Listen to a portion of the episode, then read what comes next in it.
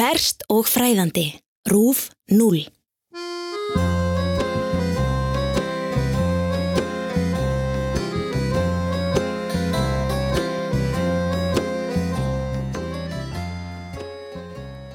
Flannan eigjar eða veiðimennir sjö eins og eigjarnar eru stundum kallaðar eru örlítill eigjaklassi sjö smáeigja sem tilheyra söður eigum í Skotlandi. Þær eru meðal hinna allra istu hinna svo kalluðu ytri söður eigja og eru um 30 km vestur af eigunni Lewis sem er stærst ytri söður eigja. Flannan eigutnar sjö eru saman lagt um 60 hektarar. Það þýðir að þær eru allar saman örlítið stærri en Engei, næst stærsta eigan í Kollafyrði, en langt um minni en Viðei. Nokkrar þeirra eru grösugar en flestar eigarnar, ef eigar skildi kalla, eru varla meira en holmar eða sker sem rýsa upp úr norður Allandshafi. Þarna eru engir mannabústaðir og engin mannvirki að finna fyrir utan það að á einni þeirra, þeirri stærstu, stendur viti og það var í þessum afskekta vita sem dularfullur atbyrður gerðist aldamóta árið 1900.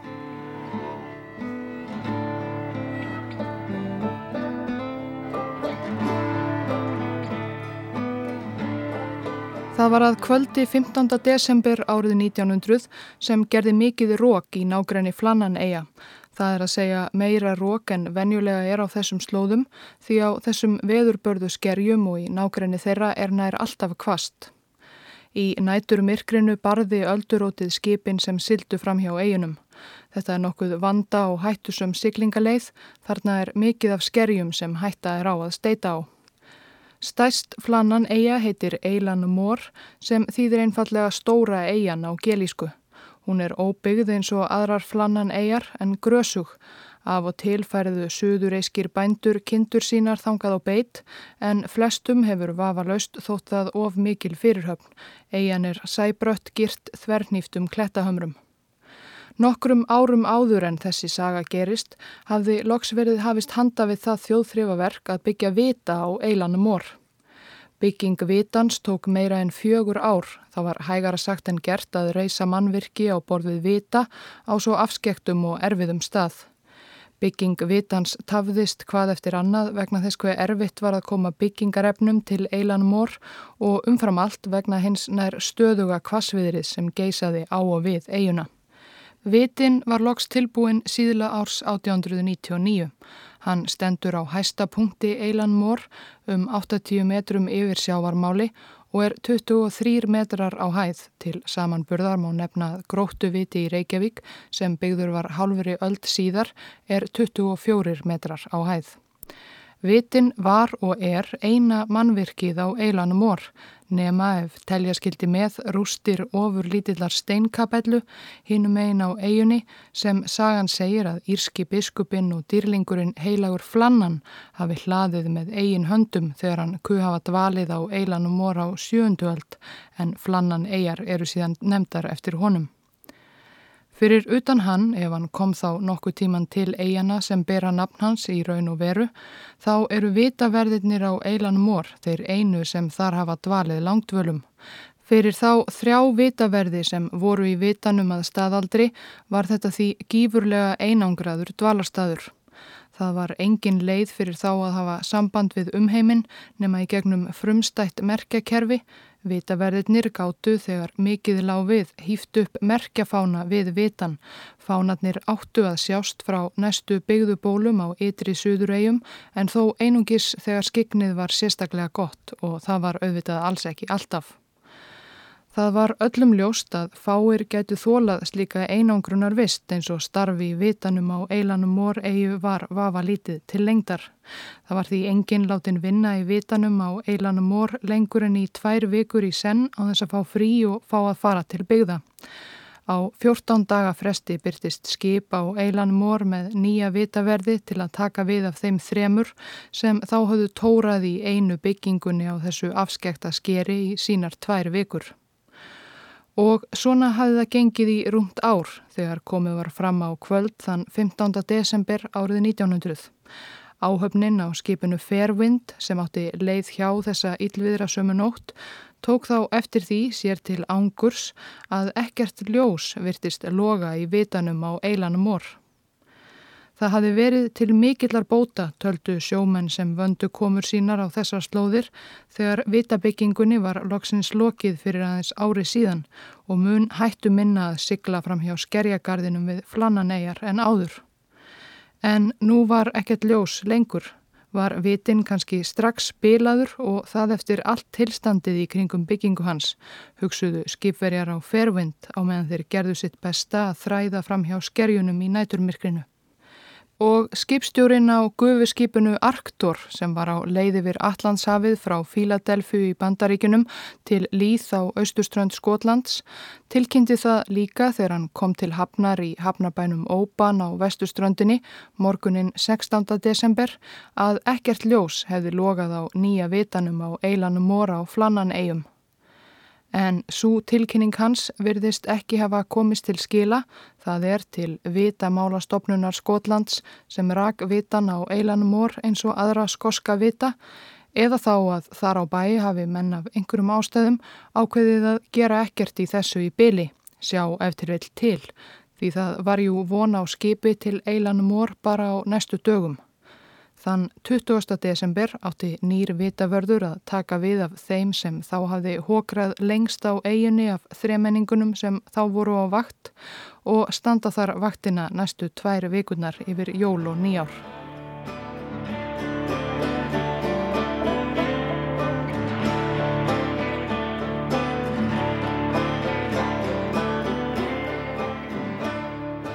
Mennirnir þrýr sem þá dvöldu í vitanum héttu James Ducat, Thomas Marshall og Donald MacArthur.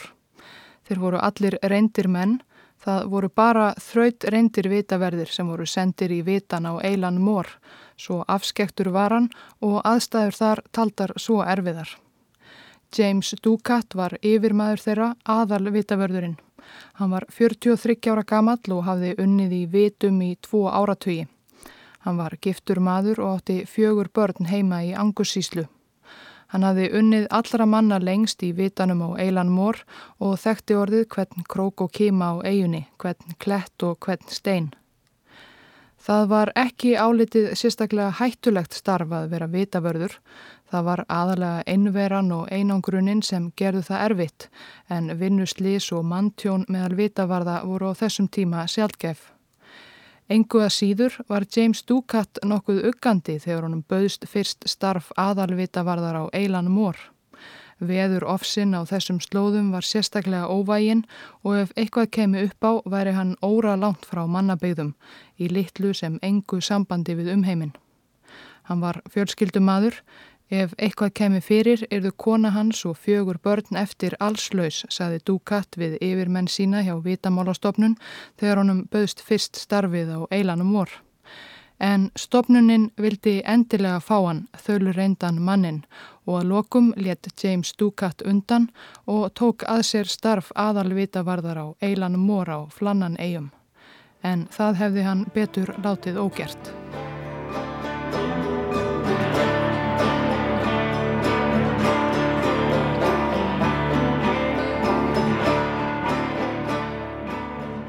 Þann 20. desember var enn svo vond í sjóin að skipstjórin á skipinu Hesperus sem flyti átti afleysingamann út í vitan á Eilan Mór á samt ýmsum vistum til vitavarðana sá sér ekki fært að leggja úr höfn. Hesperus lagði ekki af stað úr höfninni í bænum Breskleti á Lewis eigu, stærstu eigu ytri söður eiga, fyrir en 60 síðar, það var á annan í jólum. Um borð var Joseph nokkur mór sem taka átti við af Tómasi Marshall sem hafi þá verið lengst þremenningana í vitanum á eigunni. Ferðin lagðist ítla í Joseph Mór. Það var ekki bara íllviðrið. Mór hafði hirt fregnir af því að ljósið á vitanum á eilan Mór logaði ekki og þó að vitamálastofnun virtist hafa förðulitlar áhyggjur af því fannst Mór það sannarlega óþægilegt. Hann var jú líka reyndur vitavörður og hann vissi að engin alvöru vitavörður myndi nokkuð tíman láta það líðast að ekkert ljós logaði á vitanum svo dögum skipti. Það lættist í aðonum einhver yllur grunur og hann var erðarlaus á sjóferðinni stuttu út í flannan eigar, stikaði fram og aftur á þilfari hesperusar og borðaði ekki með öðrum skipverjum. Það var augljóst á hátterni hans að hann bjóst við hinnu versta.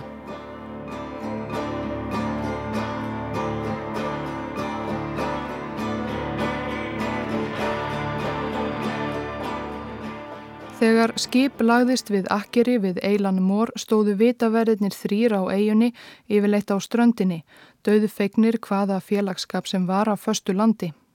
En vitaverðinir tóku ekki á móti skipverjum á Hesperus þegar skipið lagðist við Eilan Mór síðla dags annan í jólum árið 1900. Það tók alls engin á mótið þeim. Það voru engir tómir byrðakassar á ströndinni sem byðu þess að verða fylltir af vistum úr lestum skipsins og engin fáni blakti við vitan á eilan mór eins og vanin var þegar von var á skipi til eigarinnar. Sá ylli grunur sem hafi fyllt Joseph Moore um borði í Hesperus alla leiðina til eigarinnar varð bara verri og verri. Mór klöngraðist fyrstur skipverjana upp brattan uppgangin í áttað vitanum Hann kallaði á kollega sína en enginn ansaði. Inni í vitanum virtist allt vera eins og það átti að vera. Það var snirtilegt um að litast í fábreytilegum vistarverum vitavarðana, búið að búa um rúmin og vaska upp leirtögið, potta og pönnur. Í öskustóni var köld aska. En vitaverðinir sjálfur voru hverki sjáanleir. Það var engin lifandi vera í vitanum. Það var eins og þeir hefðu búið snirtilega um og tekið til og haldið svo af stað en það var auðvitað ekki langt sem þeir gáttu farið á þessari ofurlittlu eigu. Þeir virtust einfallega hafa gufað upp. Við nánari aðtugun sáu skipverjar á Hesperussi að tvö pör af stígvilum og sjóklæðum vitavarðana voru horfin en eitt par var eftir. Hafðu tveir vitavarðana farið út í sjóklæðunum en sá þriðji ánþeira. Að fara út án sjóklæðana var óðsmanns æði í því veðri sem verið hafði á flannan eigum undanfarna daga og vikur. Þar að auki gekk það þvert á allar reglur vitamálastofnunar að allir þrýr vitaverðinir yfirgæfu vitan samtímis.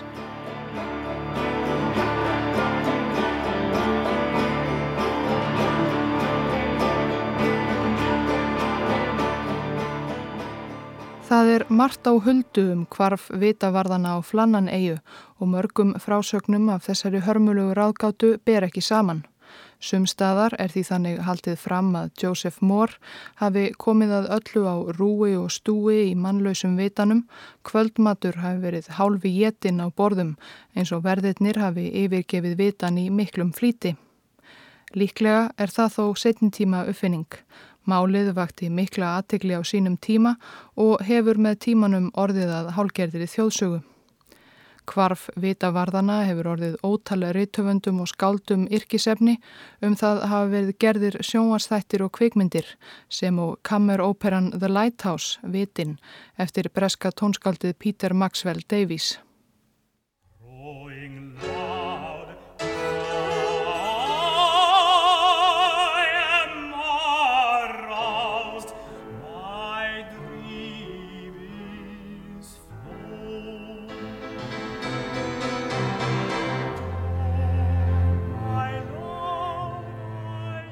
Í mörgum bókum og öðrum umfjöllunum um vitaverðina á Eilan Mór er vitnað í dagbók vitavarðana þar sem þeir rituðu á hverjum degi stuttlega um veður skilirði og verkefni dagsins.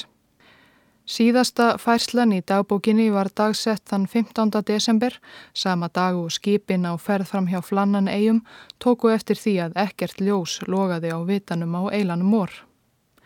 Samkvæmt dagbókinni glýmdu vitaverðirnir við óvenjulega ofsafengið íllverðri í marga daga áður en síðasta færslan var rituð. Hér er það Thomas Marshall, yngsti vitavörðurinn, sá sem Joseph Moore átti að leysa af sem ritar. 12. desember. Hvasviðri norð-norðvestur. Sjórin ber eiguna. Aldrei séð slíkan storm. Öldurnar mjög háar, bilja á vitanum. Allt er sjóklárt. James Ducat orðin pyrraður. Og síðar sama daginn var skrifað. Stormurinn geysar enn, vindurinn stöðugur. Veður teftir, getum ekki farið út. Skip á leið hjá blæsi í þokulúðurinn, sá ljósinn í káatunum.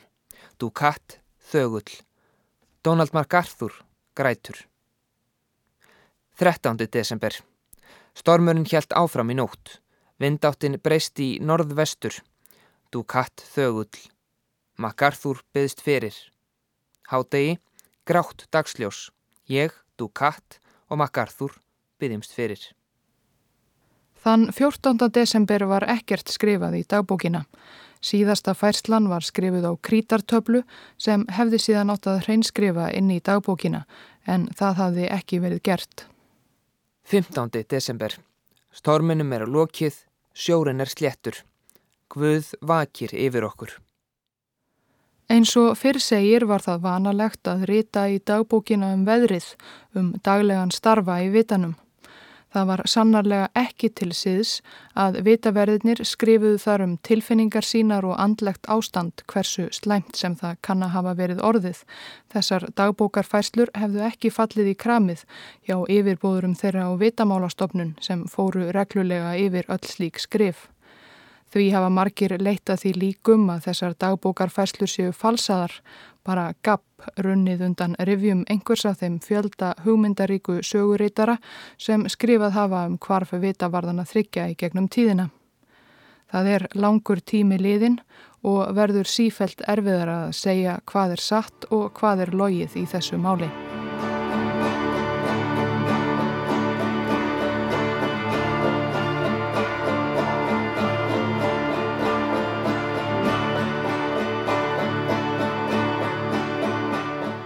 Það sem víst er, er að Joseph Moore, afleysingavitaverði og öðrum skipverjum á Hesperusi þótti það mjög óþægilegt, í raun hryllilegt að koma að vitanum á Eilan Moore gjörsamlega mannlausum. Það var deginum ljósara að eitthvað hræðilegt hliti að hafa gerst á eigunni. Skipstjórin á Hesperusi tók þá ákverðun að flýta sér aftur í land með þessi válegu tíðindi en Joseph Moore varð eftir á mannlausir í eigunni á samt tveimur sjómanum. Þeirra verkefni var að koma vitanum í lag eins fljótt og auðið væri því enn voru jú skip á ferðum úvinn sjóin við flannan eigar. Að kvöldi 27. desembers sendi skipstjórin á Hesperusi símskeiti til vitamálastofnunar. Hræðilegt slis á flannanegjum. Vitaverðirnir þrýr, Ducat, Marshall og MacArthur eru hornir. Þegar við komum síðdegis voru engin merki um lífa á eiginni. Mór fór upp í vitan og fann engan. Klukkurnar voru stopp og allt bendir til þess að slisið hafi orðið fyrir rúmeri viku. Aumingja mennirnir hljóta að hafa fókið af klettunum eða druknað. Nóttinn nálgæðist og við gáttum ekki beði lengur til þess að komast að örlugum þeirra. Mór og tveir sjómenn örðu eftir til að kveikja á vitanum. Í gegnum tíðina hafa komið fram ótal kenningar um afdrif vitavarðana á Eilan Mór. Hafði óveðrið hrifsað á tilsín eins og skipstjórin á Hesperusi heldur fram í símskeiti sínu. Eða hafði eitthvað ennþá hræðilegra átt sér stað á eigunni. Menn hafa velt fram þeim möguleika að kannski hafi einn vitavörðurinn snúist gegn félögum sínum. Kannski hafi runnið á hann einhvers konar æði Það þarf ekki að hljóma svo ólíklega með að við þær einangruðu og erfiðu aðstæður sem vitaverðinir byggu sannarlega við. Kanski hafi eitt þeirra sem sagt myrt hina, hendeim svo í sjóin og stitt sér sjálfur aldur. Og auðvitað hafa svo verið settar fram fleiri kenningar um að eitthvað yfirnáttúrulegt gæti hafa átt sér stað á eigunni að huldu fólk sem sagan segir að hafist við á flannan eigum, já eða þá geimverur hafi numið mennina á brott. Nú til dags þykir jú engin leindardómur fullkomnaður fyrir en búið er að kveðja til geimverur sem skýringu.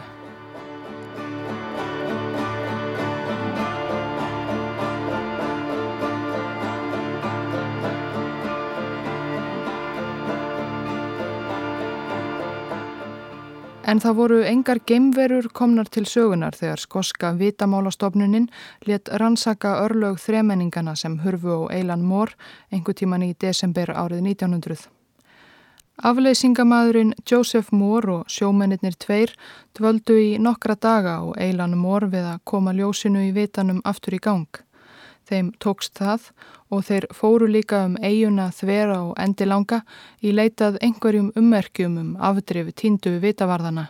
engverjum ummerkjum, hvort sem það varu fótspor, rifin, fött eða veðurbarinn lík, en þeir fundu ekkert slíkt. Eitt fann þó Joseph Moore sem hann tilkynnti síðar yfir bóðurum sínum hjá Vitamálastofnun. Hægt var að leggjast að eiginni bæði austan og vestan megin. Skipið Hesperus hafði lagt að austan megin en landgöngustæðurinn vestan megin reyndist mun verð farin eftir nýjafstæðið óveður. Kistill sem gemdi reypi og landfestar fyrir komuskip hafði splundrast í ölduganginum. Innvolsið lág eins og ráfiði um allt. Krafturinn í öldunum virðist hafa verið svo ofsalegur að meira segja járnhandrið sem hafi verið ramlega boltað við steinþrepin sem lágu frá landgöngustaðnum og upp af vitanum, það hafi ripnað upp. Rétt fyrir áramótin sendi vitamálastofnun mann á vettvang. Robert Muirhead, yfir maður á stofnuninni, fór úti í eilan mór, rannsakaði vitan, húsakinni vitavarðana sem og landgöngustadin vestanmegin, rétt eins og Joseph Moore hafi gert nokkrum dögum áður. Muirhead komst að þeirri niður stöðu að ónýti kistillin með landfestunum sem Moore hafði fyrstur greint frá væri mikilvægasta sönunagagnið í kvarfi vitavarðana. Loka niðurstaðan í skýrslu rannsóknanemdar skosku vitamálastofnuninnar var svoljóðandi. Eftir að ég hef rannsakað þau sönnunargögn sem mér tókst að sapna á eiginni er ég vissum að mennirnir voru á vakt fram að kvöldmatt á laugardaginn 15. desember og að þeir hafi síðan farið út til að reyna að ganga tryggilega frá kassanum sem gemdi landfestarnar og var gemdur í sprungu í klettinum vestanmegin um 34 metra fyrir ofan sjávarmál og þá hafi risavaksinn alda ætt fram af gífurlegum krafti og hrifið mennina með sér. Þar með var þeirri rannsókn lokið og örlög vitavarðana á Eilan Mór formlega upplýst allavega að mati vitamálastofnunar Skotlands.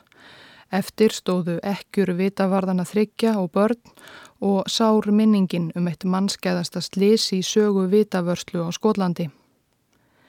Það kemur reyndar ekki fram í þessum loka niðurstöðum vitamálastofnunar hvers vegna mennirnir þrýr hafi ákveðið að hætta lífi sínu í þessu gífurlega óveðri svo síðla kvölds til þess eins að bjarga kassa af landfestum og það allir þrýr og brjóta þar með allar helstu reglur vinnuveitenda sinna og heldur ekki hvers vegna tveir vitavarðana hafi klæðist sjóstökkum sínum eins og við var að búast með við veður aðstæður en sá þriðji þeirra líklegast haldið út í regnið og stormin á skirtunni einni. Þetta fær einfallega varla staðist og því koma þær útaf fyrir sig ekki á óvart allar þær kenningar sem komið hafa fram um örlög vitavarðana hvort sem þar eru morðingjar á ferð, huldufólk eða gemverur. Aðeins þetta er ljóst. Eitt hvað var til þess að þrýr vitaverðir á Eilan Mór ættu út í óveðrið ægilega að kvöldi 15. desember árið 1900 og sáust aldrei meir. Það hlýtur að hafa verið eitthvað mjög mikilvægt eða merkilegt úr því þeir lögðu sig í slíka hættu en við vitum ekki hvað það var og það sem enn sorglegra er, við munum sjálfsagt aldrei fá að vita það.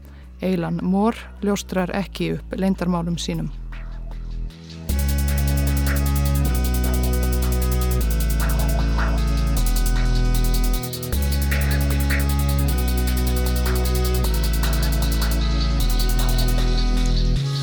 day our house collapsed, I went downstream. I followed the swans like I follow my dreams. Oh, I was living on borrowed time in a borrowed house for a borrowed crime.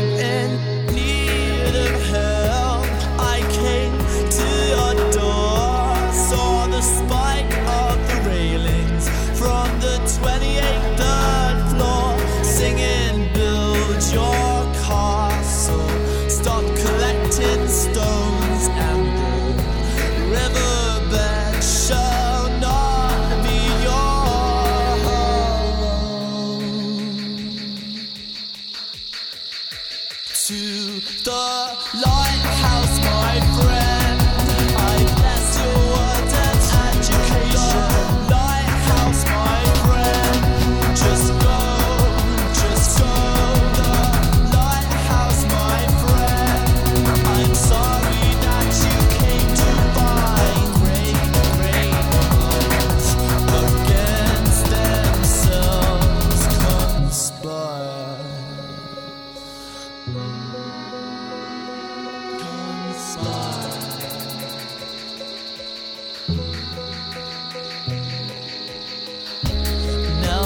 storms